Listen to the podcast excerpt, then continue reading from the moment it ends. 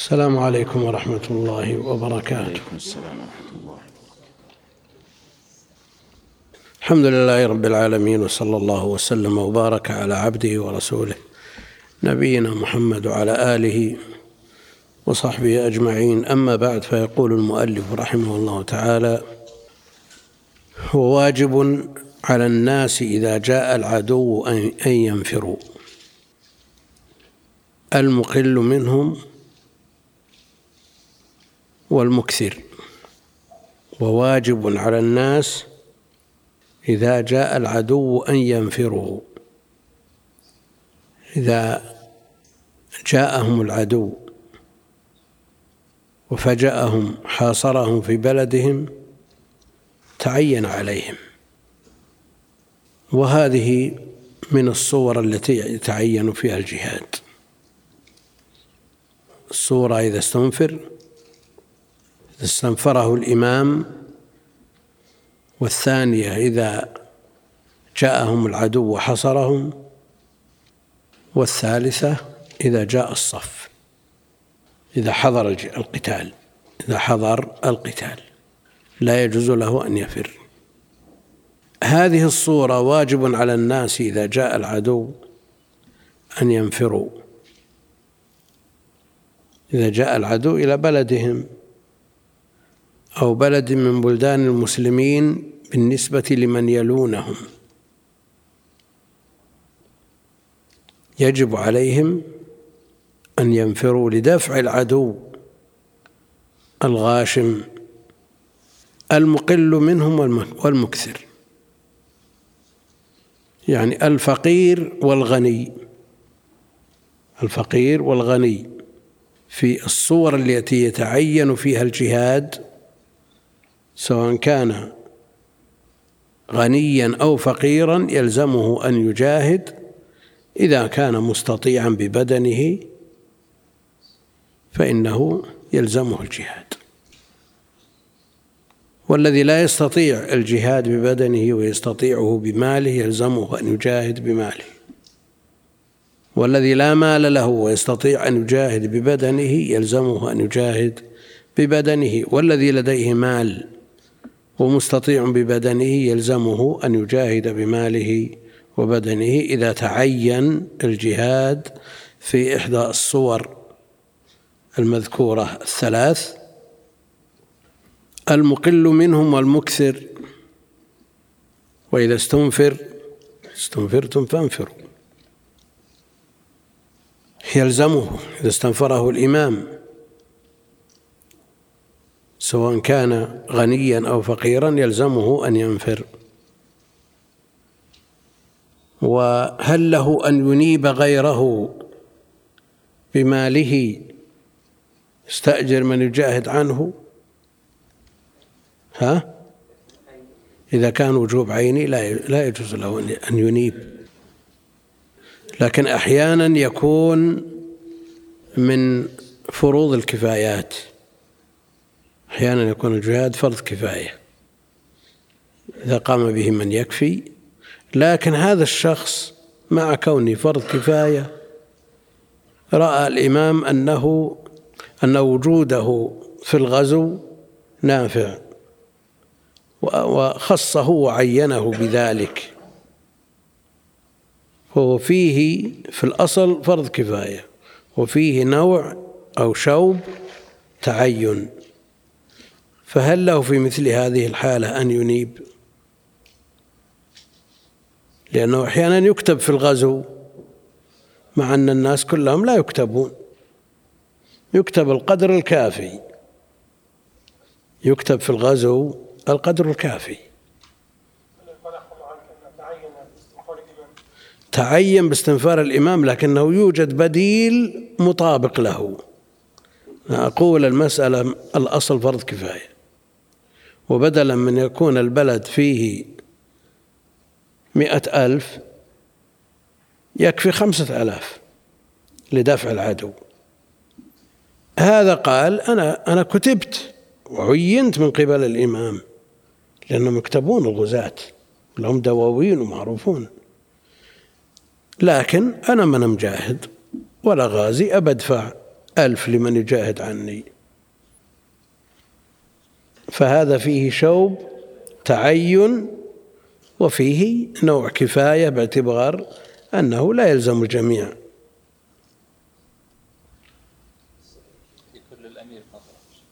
ها؟ وقد يكون الأمير إذا قيل له فلان بديل قال فلان أفضل. ها؟ موجودة هي بل يكون قد يكون أفضل. لأن علم الأمير أو من ينوب عن الأمير لا يحيط بجميع صفات الناس. هم؟ لكن لما عينه الإمام تعين عليه.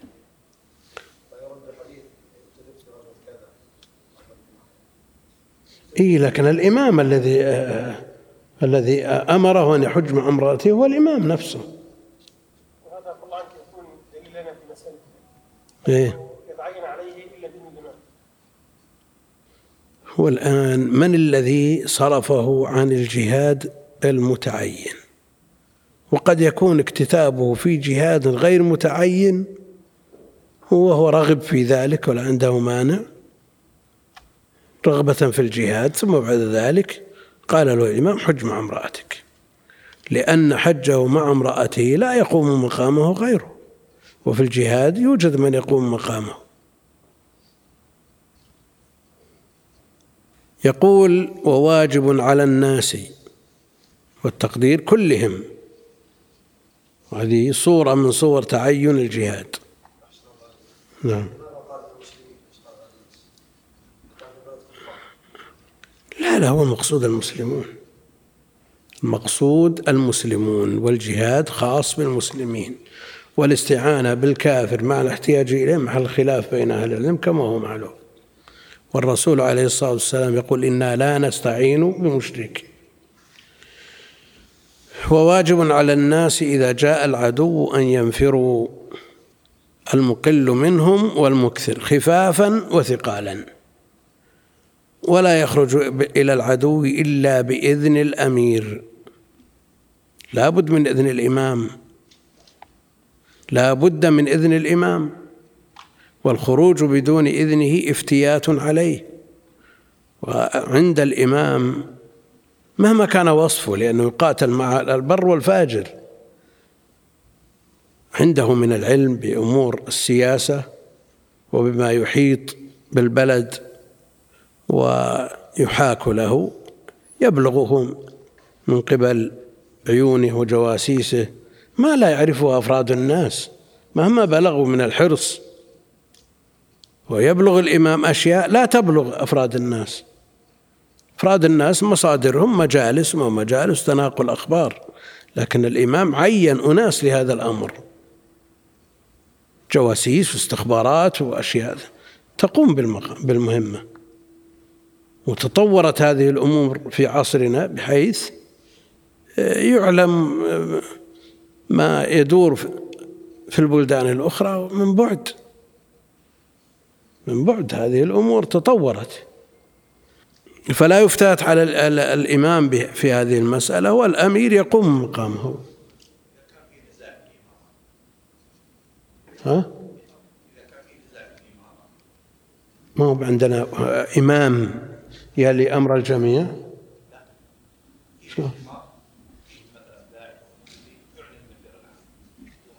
لا لا ما ما يرجع إليه لا داعي ولا مفتي المسألة على الإمارة. الإمام أو من ينوب أو من يقوم مقام الإمام. لأن حتى مهما كان وصفه داعية أو مفتي هل يعرف جميع ما ما يحيط به؟ ما يعرف. ليس ليس له أعوان في البلدان الأخرى تخبره بما فهذه من وظائف الإمام. ولذلك لما اعتمدوا على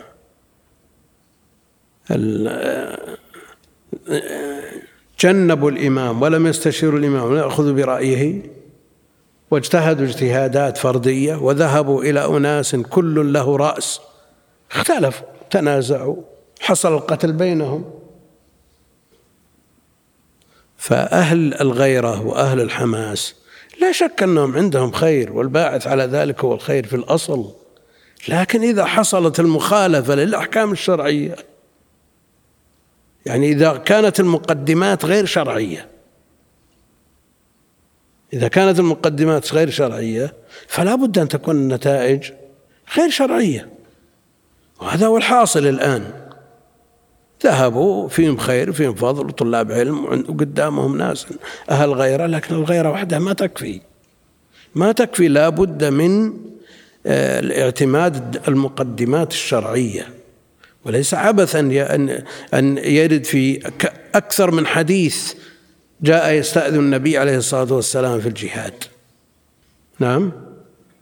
جاء فلان يستأذن النبي عليه الصلاة والسلام في الجهاد. فهذا أصل في استئذان الإمام وفي إذن الإمام. المقل منه ولا يخرج إلى العدو إلا بإذن الأمير. إلا أن يفجأهم عدو غالب. عدو غاشم عنده قوة ومنعه إلا أن يفجأهم عدو غالب يخافون كلبه يخافون شره وأذاه يخافون شره. العدو العدو ما ينتظرون إذا فجأهم وهجم على بلدهم ينتظرون آه، أن يستأذنوا يقتلون وهم يستأذنون. لا هذا هذه مسألة مستثنات كما أنه لو هجم عليه لص أو صائل يدفع عن نفسه. نقول لا عندك إمارة وعندك شرطة وعندك راح راح تقدم بطلب إليهم أو دافع عن نفسك.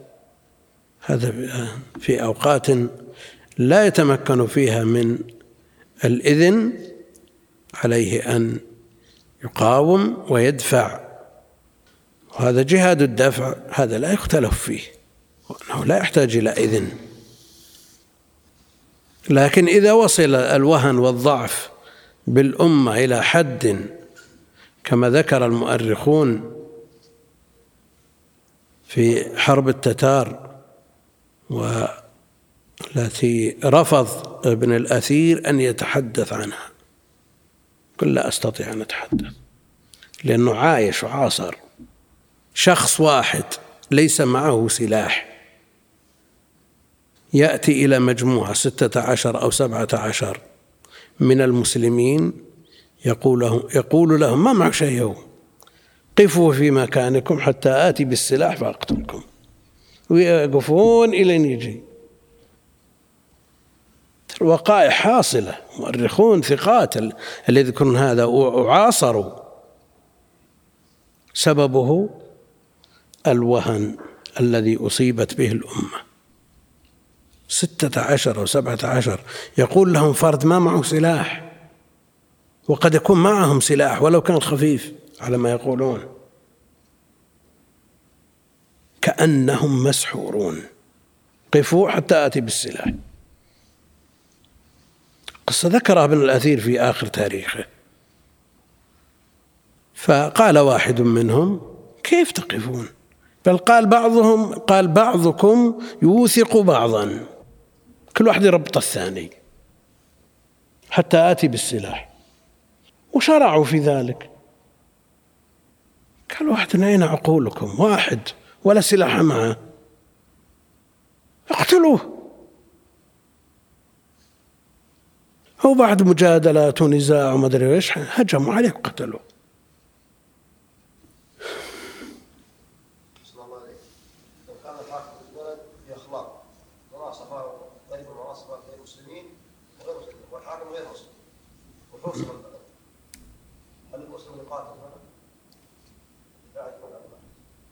ولا الدفاع الدفاع. أولا لابد من الاتحاد ضد العدو. والأصل أن المسلمون أن المسلمين يتميزون عن غيرهم. لكن إذا وجد مثل مثل أوضاع بعض البلدان الإسلامية التي فيها مسلم مسلمون وغير مسلمين لا بد أن يتفقوا من أجل المصلحة العامة لهم ولبلدهم ويكونوا يدا واحدة ضد عدوهم المشترك. وإلا فالأصل أن الكافر لا يؤمن بل يخشى أن يعين العدو إذا كان كافرا مثله. وهذه من أحوال الضرورات.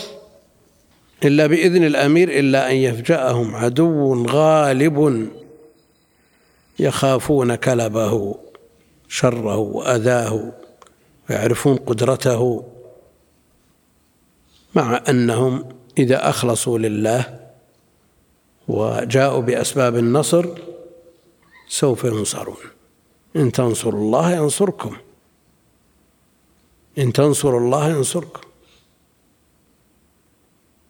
كاتب من الكتاب من المسلمين وفي بيئة مسلمة ومن أولاد الفطرة واسمه عبد الله يقول في لما دخل الكفار العراق يقول في في مقابلة إذاعية يقول الناس الآن تطوروا وصواريخ ودبابات وطائرات وقنابل.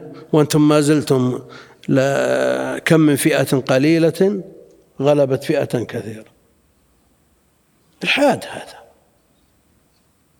هذا تكذيب لما جاء في كتاب الله. لكنهم لو صدقوا مع الله وأجاءوا بأسباب النصر ولجأوا إليه ينصرون. إن تنصروا الله ينصركم. فلا يمكنهم أن يستأذنوه. الإذن يحتاج إلى وقت. الإذن يحتاج إلى وقت. وإن كان الوضع الآن تغير بإمكانهم أن يستأذنوا ويؤذن لهم في دقيقة. مثل السابق. ولا يدخل مع المسلمين من النساء إلى أرض العدو إلا امرأة طاعنة في السن.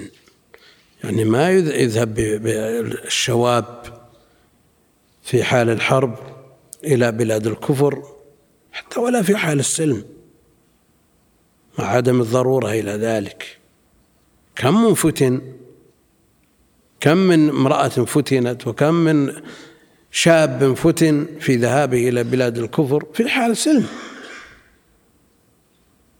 والله المستعان.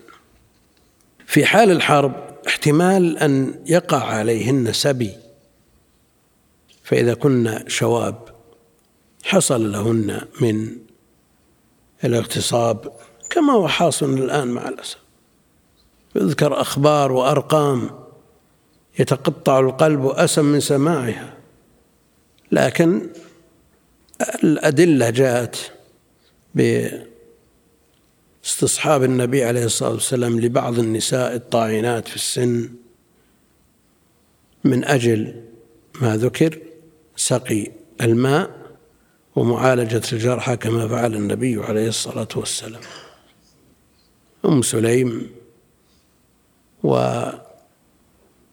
والربيع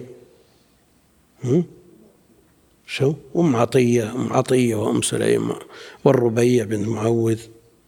يسقين الماء ويداوين الجرحى ليس هذا مستمسك لأن يقال لا بد من تعيين نساء في الجيش كما ينادي به بعض المفتونين. ووجد في بعض البلدان المجاورة وقالوا الأصل هذا. كانهم بيعينون عجائز هم عينوا عجائز في جيوشهم. لا.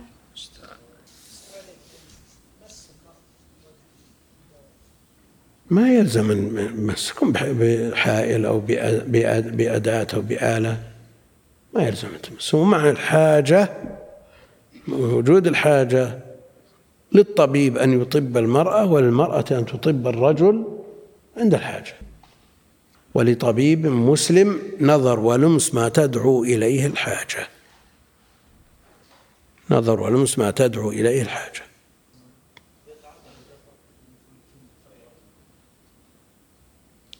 الأمر يومئذ لله ما لهم قدرة عليه وش يسوون؟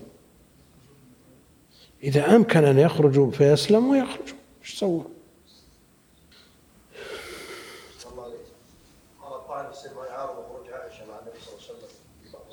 أنا بقول هذا النبي عليه الصلاة والسلام في غزواته آه، يقرع بين نسائه في أسفاره. فقد تخرج الشابة لا سيما مثل عائشة رضي الله عنها شابة صغيرة لكن هذا مع غلبة الظن. مع غلبة الظن. ومع حفظه وحفظ عرضه عليه الصلاة والسلام وصيانته من الله جل وعلا فلن يقع عليها ما يسوءه عليه الصلاة والسلام.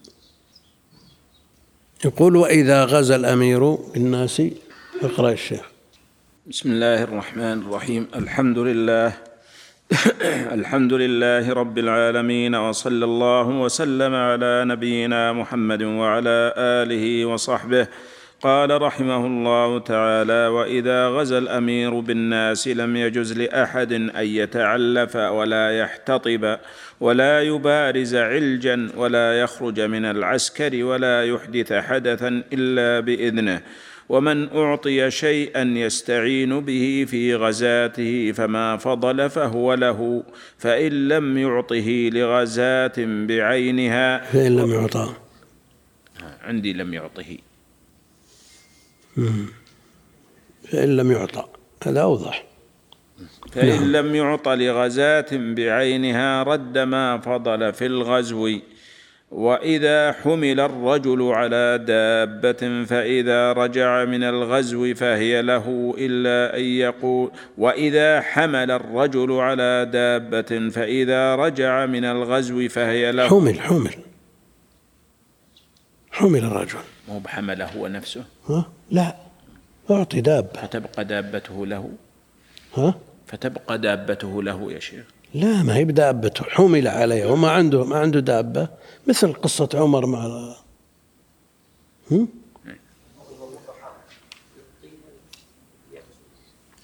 وإذا حمل الرجل على دابة حمل المعطي صاحب الدابة الأصلي يحمل عليها في سبيل الله. أو الغازي يحمل على هذه الدابة في سبيل الله. نعم. وإذا حمل الرجل على دابة فإذا رجع من الغزو فهي له إلا أن يقول هي حبيس فلا يجوز بيعها إلا أن تصير في حالة لا تصلح للغزو فتباع وتصير في حبيس آخر. وكذلك المسجد إذا ضاق بأهله أو كان في مكان لا يصلى فيه جاز أن يباع. جاز أن يباع ويصير في مكان ينتفع به. يصير. ويصير في مكان ينتفع به وكذلك الأضحية إذا أبدلها بخير منها. وإذا سبى الإمام فهو مخير إن رأى قتلهم وإن رأى من عليهم وأطلقهم بلا عوض وإن رأى فادى بهم وإن رأى أطلقهم على مال ياخذه منهم وإن رأى استرقهم غي ذلك رأى أن فيه نكاية للعدو وحظا للمسلمين فعل. وسبيل من استرق منهم وما أخذ منهم على إطلاقهم وما أخذ منهم على إطلاقهم سبيل تلك سبيل تلك الغنيمة وإنما يكون له استرقاقهم إذا كانوا من أهل الكتاب أو مجوسا.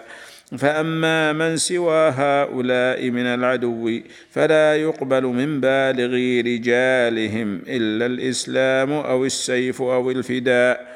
بارك بارك يكفي يقول المؤلف رحمه الله تعالى وإذا غزا الأمير بالناس كان معهم أمير لم يجوز لأحد أن يتعلف أن يجمع علفا لدابته أو لبيعه ليتملكه سواء جعله لدابته أو اتجر به ولا يجوز له أن يحتطب يجمع الحطب من أجل أن يستدفئ به إلا إذا اضطر لذلك. الضرورات لها أحكامها ولا لبيعه إلا بإذن الإمام. إلا بإذن الأمير إذا لم يكن الإمام الأعظم هو الغازي بالناس فما ينيبه فهو أميرهم. يقوم مقامه ويأخذ حكمه. ولا يبارز علجا إلا بالإذن. لا بد من الاستئذان لأن الأمير له نظرة. قد يرى أن هذا الرجل المبارز أضعف من أن يبارز هذا العلج هذا الكافر. فيقتله ثم يخرج ثاني فيقتله إذا كان بدون إذن فيحصل الوهن في في المسلمين ويضعفوا عن المقاومة. إذا وجد واحد شجاع منهم من الكفار يطلب المبارزة فلا بد من إذن الإمام. قد يرى الإمام أنه لا يبارز هذا لا يبارز. وقد يرى أن هذا الشخص لا يصلح لمبارزة هذا الكافر. ثم يستأذنه آخر ويقول لا مانع. المقصود أنه إذا كان معهم وهذا هو الأصل في الغزو لا بد أن يكون فيهم أمير نائب عن الحاكم الذي هو السلطان لم يجوز لأحد أن يعتلف ولا يحتطب ولا يبارز علجا ولا يخرج من العسكر. لا يخرج من العسكر. لا يبعد عنهم. لا يبعد عنهم. ولا يحدث حدثا. ولا يحدث حدثا. ليس من شأنه التعلق أو العلاقة بما هو بصدده مما فيه مصلحة للغزو. لا يجوز له أن يفعل شيئا إلا بإذنه بإذن الأمير. التركيز على إذن الأمير في كثير من المسائل بل في جميع مسائل الجهاد له شأنه. ولأن نصوص الجهاد إنما خوطب بها الجماعة لا الأفراد. خوطب بها الجماعة لا الأفراد. ويمثل الجماعة أميرهم. يمثل الجماعة أميرهم. تصور لو أن كل نص من نصوص الجهاد رأى كل فرد من أفراد المسلمين أنه مخاطب به على جهة الفردية وصار كل واحد يركب خيله ويجاهد. امتثالا لنصوص الجهاد من غير أن يتفقوا على شيء وكل واحد مسك له سبيل واحد مسك له طريق وقد واجتمع جماعة فخرجوا. وهؤلاء الجماعة لا يدري من لا يدرى من يجاهدون ولا يدرى من يقاتلون. وقد يكون تكون تكون جهادهم من المسلمين من قتال بعض المسلمين أو الخروج على الإمام مثلا. فلا بد من التنظيم. والإسلام دين نظام ما هو بدين فوضى. لا بد من هذا. ولذلك يكررون في كثير من المسائل بإذن الإمام. ذكرنا أنه في قضايا متعددة من جاء يستأذن النبي عليه الصلاة والسلام في الجهاد. صلى على محمد. ومن أعطي شيئا يستعين به في غزاته فما فضل فهو له. يغزو غزوة معينة فقيل له خذ استعن به على هذه على هذه الغزوة. اللي يبقى له. كما لو أعطي ليحج عن أحد. حجة معينة. فهو يستعمله في هذه الحجة وما فضل فهو له. بخلاف المسألة التي تليها. ومن أعطي شيئا يستعين به في غزاته فما فضل فهو له. فإن لم يعط لغزاة بعينها يعني ما في غزوة معينة. فجاء من يقول هذا المبلغ جاهد به في سبيل الله. جاهد به في سبيل الله ليس في غزوة بعينها. ومن أعطي شيء يستعين به فإن لم يعطى لغزاة بعينها رد ما فضل في الغزو. رد ما فضل في الغزو. نظيره في الحج عن الغير. يجي يعطى مال مقطوع أكثر مما تحتمله الحجة الواحدة بكثير يعني يمكن الحجتين الثلاث الخمس العشر حجات وقيل له هذا المبلغ تحج به عن فلان. حجات فإذا حج المرة الأولى يحسم قيمتها وتكاليفها والثاني يحسم قيمتها فما فضل يرده. فما فضل فيرده لأنه ليس في مقابل عمل معين مخصوص. وإذا حمل الرجل على الدابة حمل على دابة ليغزو عليها. فإذا رجع من الغزو فهي له. والدليل على ذلك فعل عمر رضي الله عنه في الصحيح في عهد النبي عليه الصلاة والسلام أنه حمل رجلا على دابة في سبيل الله. فلما غزا هذا الرجل ورجع كأنه ضيعها وأراد أن يبيعها. أو عمر لما رآه ضيعها بمعنى أنها هزلت أراد أن يشتريها. أراد أن يشتريها عمر.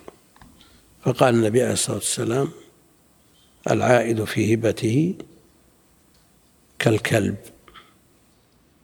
إلى آخر الحديث. وهل هذا عود؟ هذا شراء.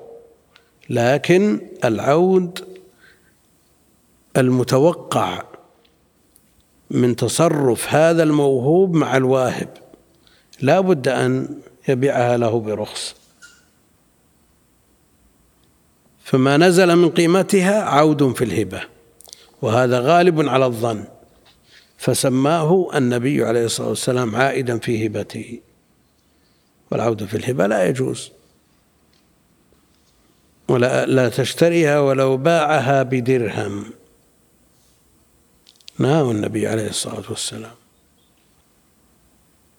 طب الهبة إذا وهب شخص آخر هبة ولتكن كتاب لطالب علم فاستغنى عنه صاحبه وعرضه للبيع فهل للواهب أن يشتريه؟ نعم ليس له ذلك ها؟ نفس الحكم لكن لو جاء بهذا الكتاب ووضعه في مكتبة ليباع وهذا له بدار إنه كتابه والبائع ما هو بدار هذا اللي بيشتري هو الواهب هو مثل سائر الناس من يشتريه زيد بعشرة يشتري يشتريها الواهب بعشرة. مع ذلك إذا علم المشتري أن هذا كتابه لا يجوز له أن يشتريه. إعمالا لعموم الحديث. وإن كانت العلة غير متحققة. ها؟ ولو كانت العلة منتفية لكن عموم النص يتناول هذه الصورة. إلا أن يقول هي حبيس. يعني إذا قال هي لك فله أن يجوز له أن يبيعها مثل قصة عمر وإن قال هي حبيس يعني وقف فلا يجوز بيعها لأن الوقف لا يجوز بيعه. الوقف لا يجوز بيعه كما تقدم. إلا أن تصير في حال لا تصلح للغزو. فيكون شأنها شأن الوقف إذا تعطلت منافعه. الوقف إذا تعطلت منافعه. يباع. ويستعان في من في ويستفاد من ثمنه في مثل ما وقف له. ولذلك قال إلا أن تصير في حال لا تصلح للغزو فتباع. وتصير في حبيس آخر في وقف آخر. في نظيره شخص وقف كتب في مسجد. هذه الكتب مضى عليها سنين ما يستفاد منها ولا تفتح وليس فيها منفعة للمصلين. يقول إمام المسجد هل نبيع من هذه الكتب لنشتري لمبات للمسجد ولا نصلح مكيف ولا؟ ها؟ شو؟ هذا الكلام. هل يلزمه أن يصرفها في مو في مكان آخر ينقلها إلى محل يستفاد منه. وإذا كان هذا النوع من الكتب لا يستفاد منها في المكان الآخر يشترى بها كتب يمكن أن يستفاد منها.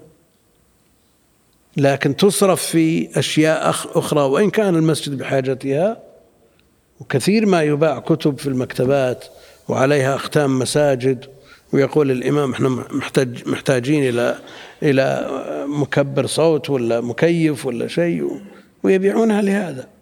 لكنه إنما يباع ويوضع في مثله يوضع في مثله.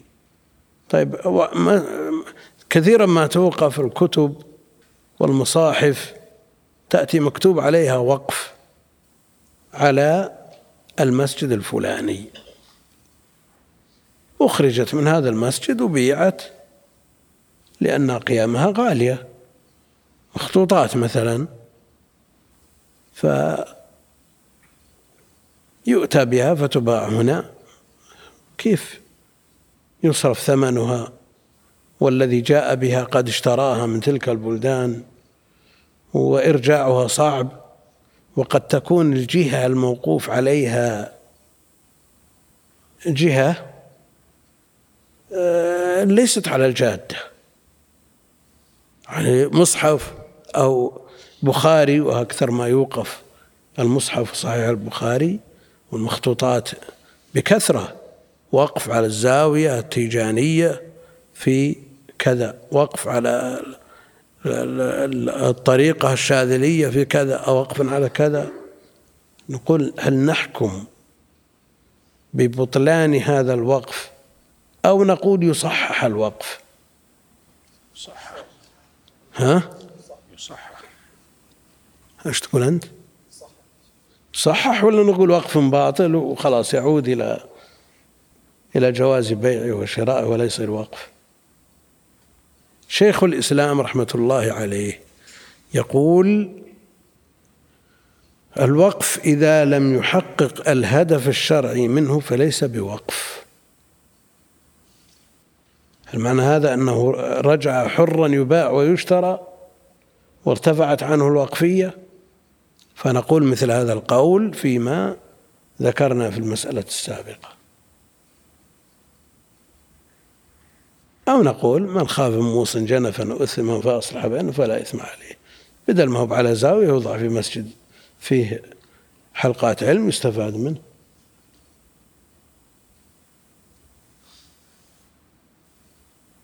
ها. الرأي؟ هاي الشيخ والله أصل الوقف باطل يا شيخ. ها؟ أصل الوقف باطل يا شيخ. باطل. أصله باطل. فيعود حرا يباع ويشترى. هذا الذي يظهر. ها؟ هذا الذي يظهر يا شيخ.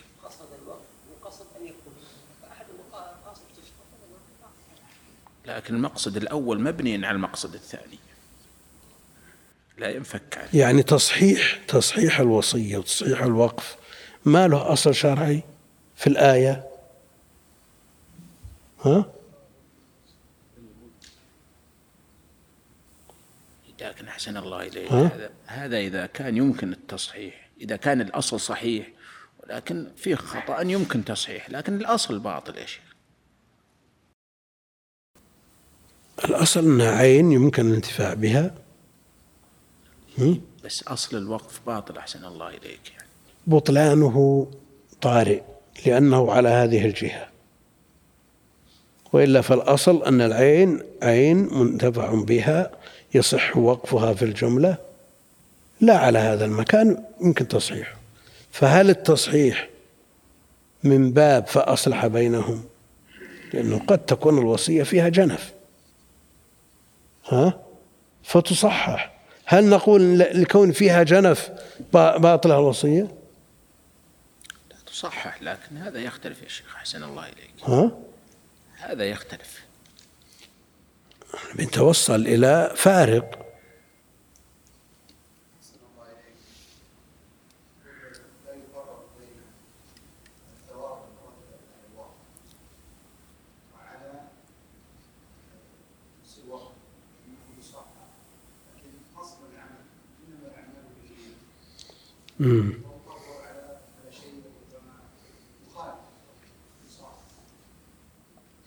يعني فرق بين أن يكون هذا الشخص وقف هذا الكتاب أو هذا المصحف على هذا المسجد.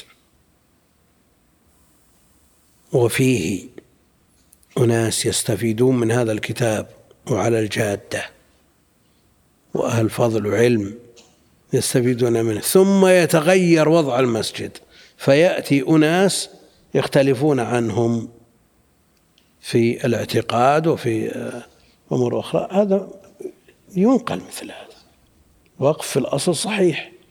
لكن إذا كان الوقف مقرونا بما يبطله فهل يمكن تصحيح؟ ها؟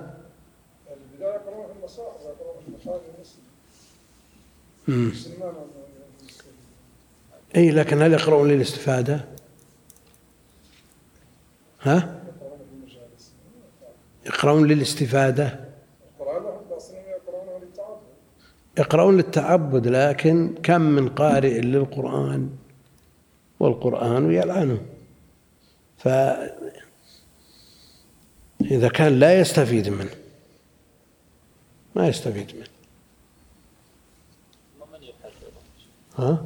من يحرره من يستلم ماله ومن فيها اشكالات كثيره المراجع الدينية. ومشكلة حتى المراجع أحيانا تكون م... ها؟ في بعض البلدان المراجع. مثل هذا. البلاء من المراجع. لكن إذا جاءنا من من الآفاق في بلدنا وعرض في مكاتبنا يشترى ولا ما يشترى؟ ها؟ ويملكه أفراد ولا يوضع في مكان مناسب مثل لا هذا مبني على القول ببطلان الوقف. مبني على القول ببطلان الوقف.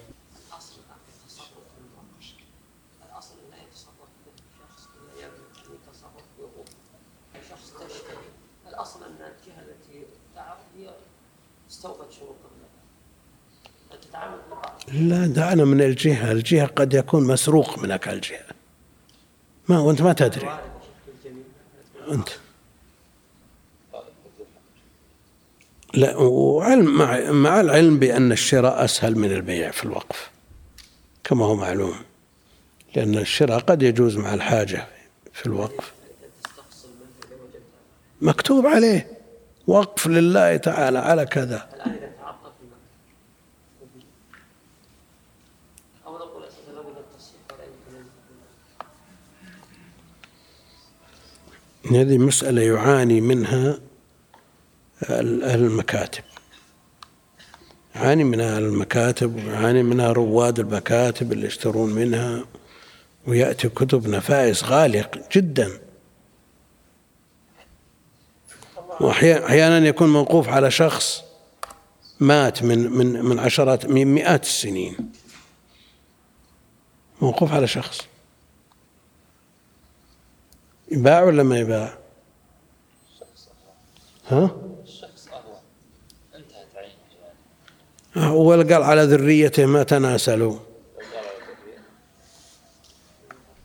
ها أصل في حوائل وحواجز بين البلدان وفي كثير من الأمور لا يمكن أن يوصل إلى حقيقتها ها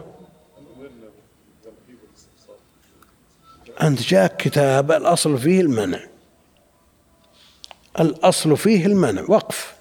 على فلان وذريته ما تناسلوا. قال كالبائع هذول من قرضين من من مئة سنة أو أكثر. لا وجاءنا آه، شيء جديد بالنسبة للكتب. يأتون بكتب عليها أختام مكتبات قائمة. مكتبات كبيرة وقائمة ومعروفة ولها روادها. ويقولون إن عندهم شيء يقال له التحديث. كتب قديمة ما تصبر على استعمال طلاب العلم. فتباع ويشترى بقيمتها أضعاف. ما بيع؟ كتب نظيفة وتصبر على الطلاب مثل هذه. قالوا إن هذا حاصل في الأقطار. فهل هذا مبرر لأن أشتري من هذه الكتب وأن أقول للطلاب اشتروها. وهي مكتوب عليها ختم مكتبة مثلا دار الكتب المصرية. فما تدري هو مسروق ولا مبيوع ولا الورع شيء. مفروغ منها الورع لا تقربه. لكن صحيح مو بصحيح. لكن إذا كنت محتاج لهذا الكتاب لو أن شخصا احتبس فرسا في وقتنا الحاضر في سبيل الله. ينفع ولا ما ينفع؟ ها؟ ينفع؟ تغزو عليها أنت؟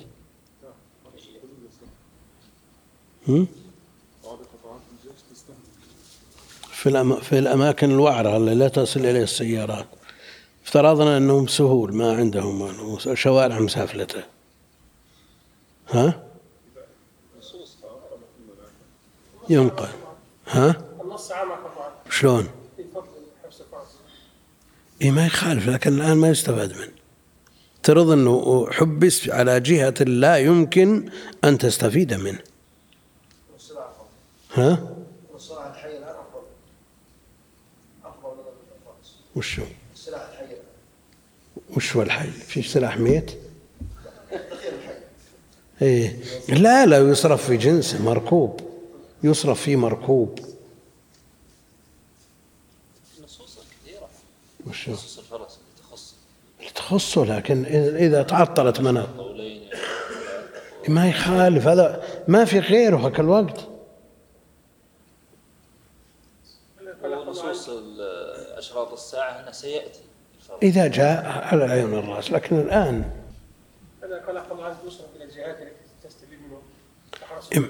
إذا وجد من يستفيد منه انتهى الإشكال ها؟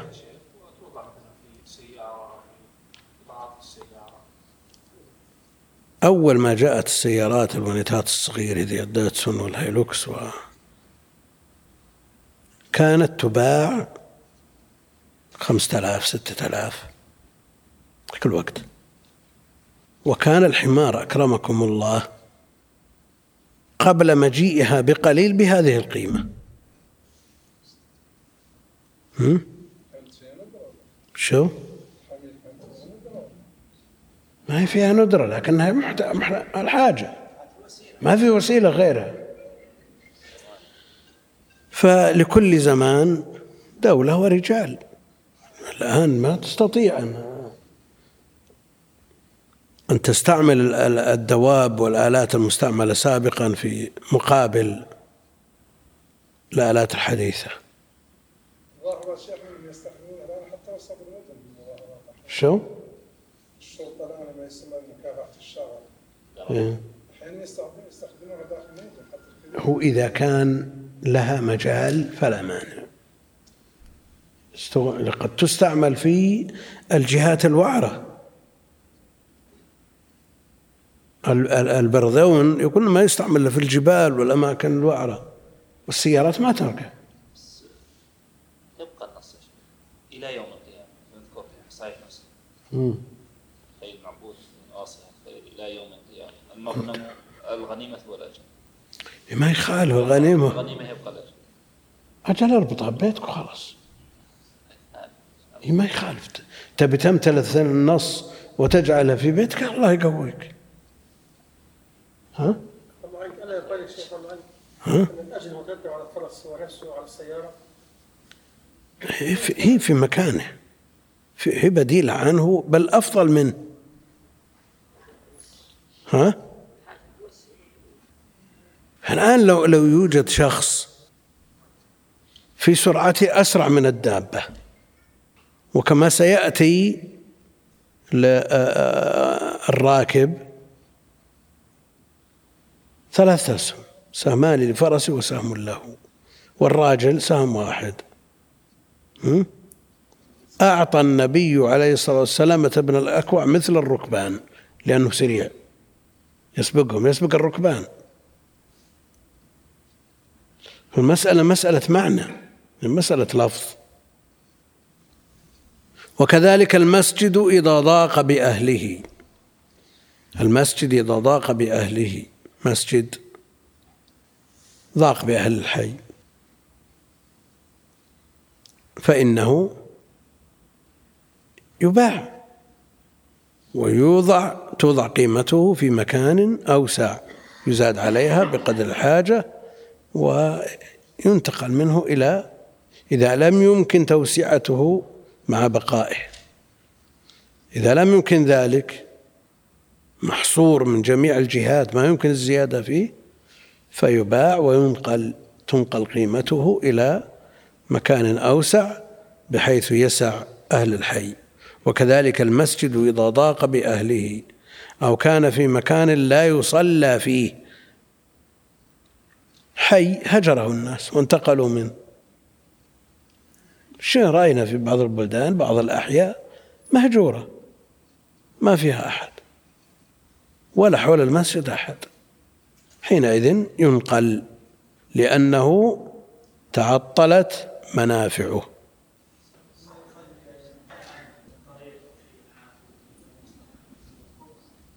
إذا كان مما يضطر الناس إليه وش المانع؟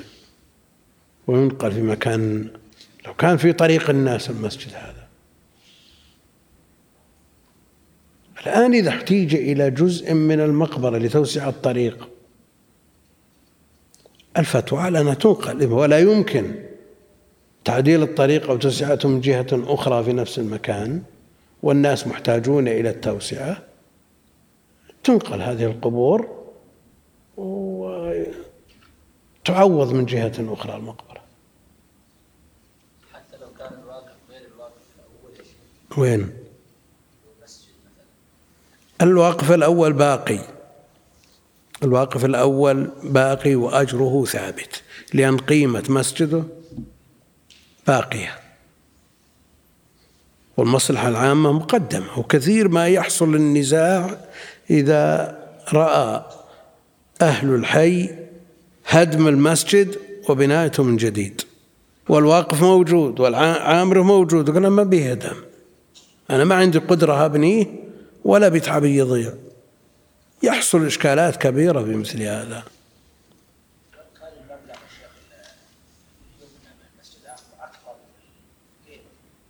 شلون؟ وقد يمكن في موقع تجاري المسجد القديم؟ لكن هل تعطلت منافعه أو استفاد منه؟ صحيح قد لا يستوعب الناس. لأن المواقع التجارية في بعض الأوقات يصلون الناس في الشوارع أضعاف من يصلي في المسجد.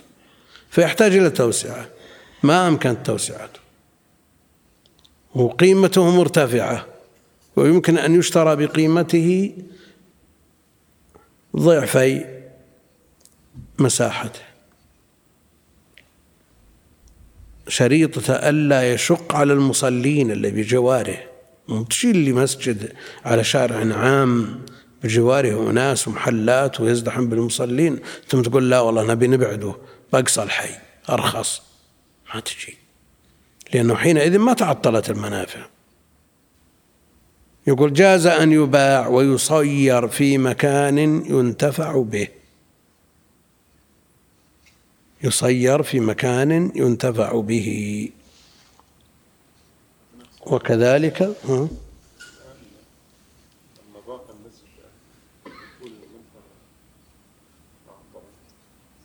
لا ما تعطلت. وكذلك المسجد إذا ضاق بأهله ضاق بأهله ولا يمكن توسعته. جيران من جميع الجهات الأربع نفتح مسجد ثاني. أو أو نعمر مسجد الجميع يستوعب الحي. الأصل الجماعة مشروعية الجماعة. والشيء أصل مشروعية الجماعة. الاجتماع. تآلف بين أهل الحي الواحد. أما تفرقهم في مسجدين أو ثلاثة ترى ما ضد حكمة المشروعية من إقامة الجماعة. ها؟ اي لبعد المسافة. لكن أنت هذا القائم هذا المسجد قائم فتحت مسجدا بجواره لأنه ما تعطلت منافعه.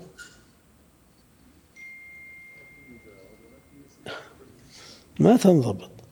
إذا أمكن جمعهم في مسجد واحد فهو الأصل. نعم.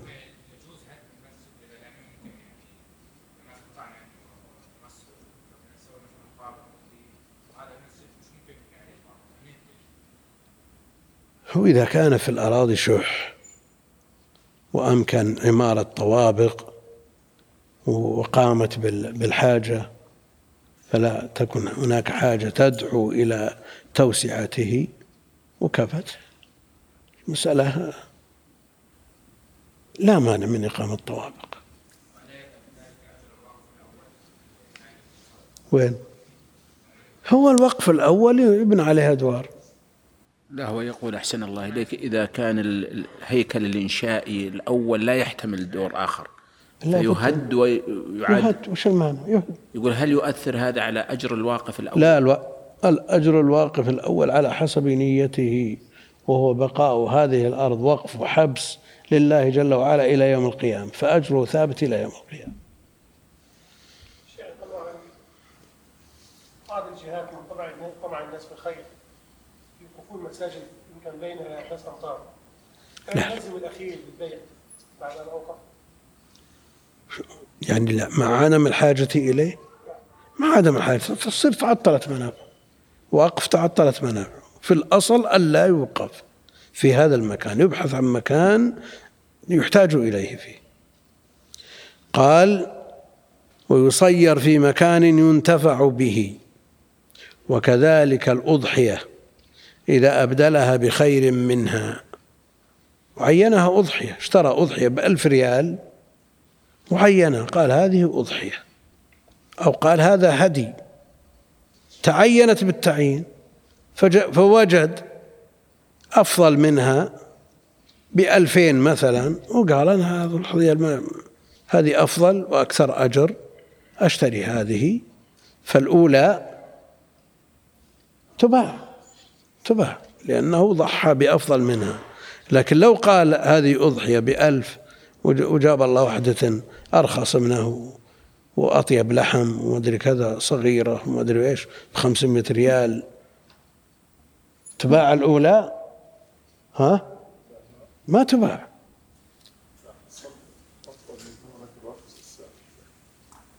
مهما كان قيمتها وقف. قيمتها أضحية. أحسن الله إليك. شخص بنى في ناحية من بيته مسجدا إيه. لأهل الحي وفتحه لهم ثم رأى أهل الحي أن يقيموا مسجدا خارج البيت. إيه.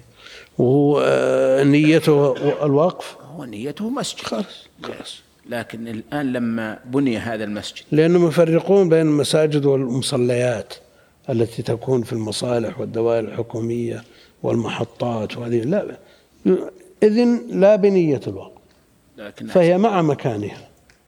لكن الآن يعتبر تعطل المسجد ببناء المسجد الآخر. فهل يشتريه لنفسه ويضع القيمة في في في هذا المسجد الآخر أو في مسجد غيره؟ إذا كان محتاجا إليه فهو أحق به بقيمته. بقيمته. بقيمته. أجر الجماعة يا شيخ في المسجد ها؟ أجر الجماعة. ثواب الجماعة. الأصل مسجد. هذا الأصل. والمصلى ليس بمسجد. لأنه مسجد حاجة.